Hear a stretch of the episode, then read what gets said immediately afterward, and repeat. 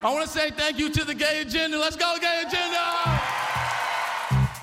Agendaen, en miniserie av lobbyen. På Radio Nova.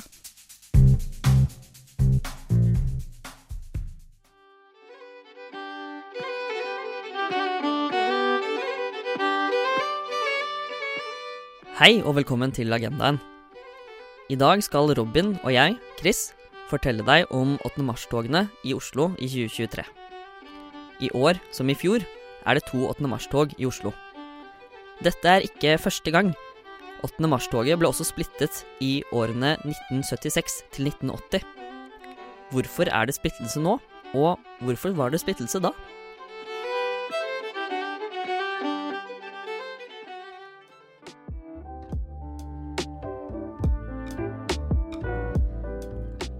«8. mars er den internasjonale kvinnedagen, og i Norge markerer vi dagen ved å gå i tog for å løfte likestilling, kvinnekamp og diskrimineringsproblematikk. Siden vi startet å markere dagen i 1972, har markeringen spredt seg over hele landet, og mange feministiske organisasjoner har oppstått og utviklet seg. I dag er det 8. mars-komiteen som er ansvarlig for den offisielle markeringen i hovedstaden. Denne markeringen skjer klokken seks på Jungstorget 8. mars hvert år. I år, som i fjor, arrangeres det også et alternativt arrangement i tillegg til hovedarrangementet. I år er den alternative markeringen arrangert av den nyopprettede organisasjonen Inkluderende feminismeinitiativ, eller IFI.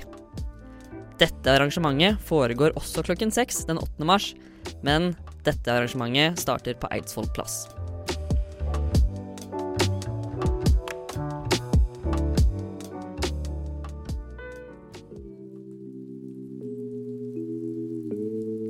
I 2022 var det et eget alternativt tog på initiativ fra bl.a. sexarbeiderorganisasjonen Pion Norge og pasientorganisasjonen for kjønnsinkongruens, PKI. En av initiativtakerne fortalte i et intervju med TV 2 at de ønsket en markering hvor utsatte grupper skulle få stemmen sin hørt. Det er de utsatte gruppene som selv skal få definere hva som er deres kamp, og hva parolen skal handle om, ikke majoriteten, kan man lese i intervjuet.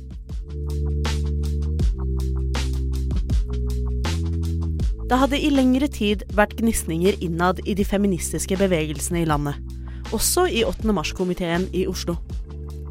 De underliggende årsakene for splittelsen i 2022 var at minoritetsgrupper som sexarbeidere, relasjonsmangfoldige, transpersoner og funksjonsvarierte opplevde å bli ekskludert fra den ordinære 8. mars-markeringen.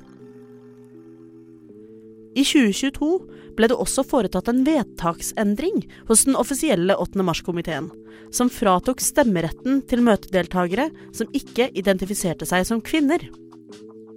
I praksis betydde det at ikke-binære personer som undertrykkes som kvinner, ikke hadde stemmerett. Det var også splittelse i hvorvidt transkvinner har rett til en plass i bevegelsen.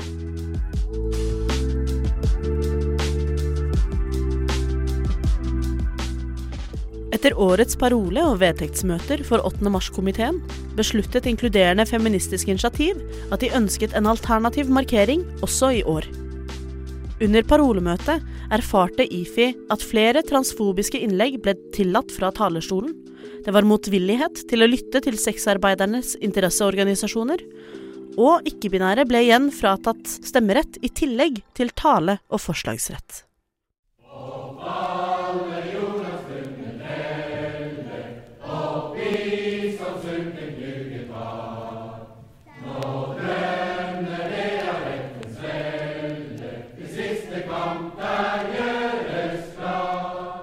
Feminismen som ideologisk bevegelse er mangfoldig og har gjennom historien forgrenet seg ut i mange ulike underideologier.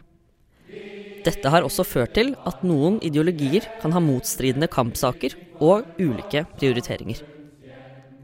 Da 8. mars-markeringen i Oslo ble splittet i 1976 til 1980, var det likevel mer organisatorisk begrunnet enn det var idépolitisk.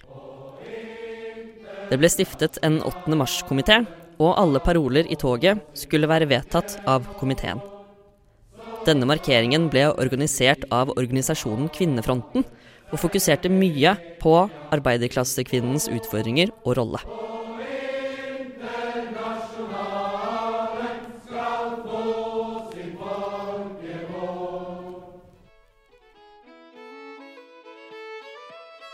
1976 brøt en gruppe nyfeminister seg ut av denne organiseringen og arrangerte et alternativt tog under navnet Samarbeidsutvalget.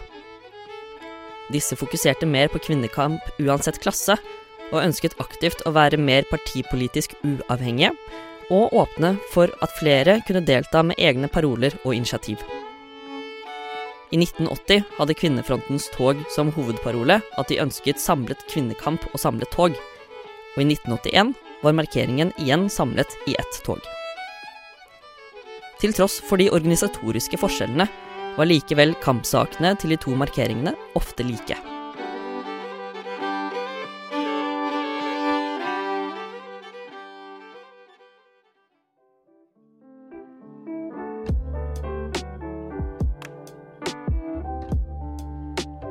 I senere tid har de feministiske ideologiene utviklet seg i takt med samtidens problematikk.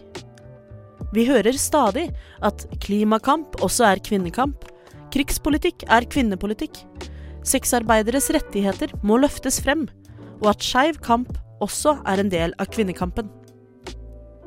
Særlig sexarbeid og skeivt mangfold har vist seg å skape mye splid i dagens feministiske bevegelse. Det er uenigheter i hvorvidt den norske sexkjøpsloven skal forsterkes, endres eller fjernes. Det er også konflikt rundt transkvinners plass i bevegelsen, og hvorvidt ikke-binære skal inkluderes i kvinnekamp.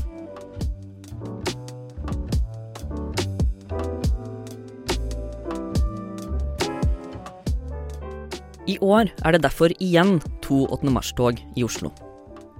Det er viktig å nevne at markeringen på Youngstorget også løfter frem skeiv kamp og andre svært viktige sider av kvinnekampen. Det alternative toget på Eidsvoll plass, på sin side, fokuserer i år spesifikt på sexarbeidernes rettigheter og retten til at alle skal få stemmene sine hørt i den feministiske kampen. Om du så er trans, ikke-binær, funkis, dobbeltminoritet eller sexarbeider.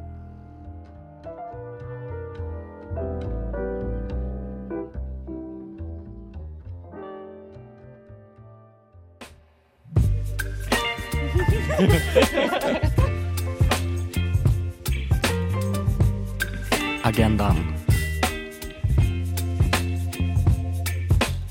Agendaen.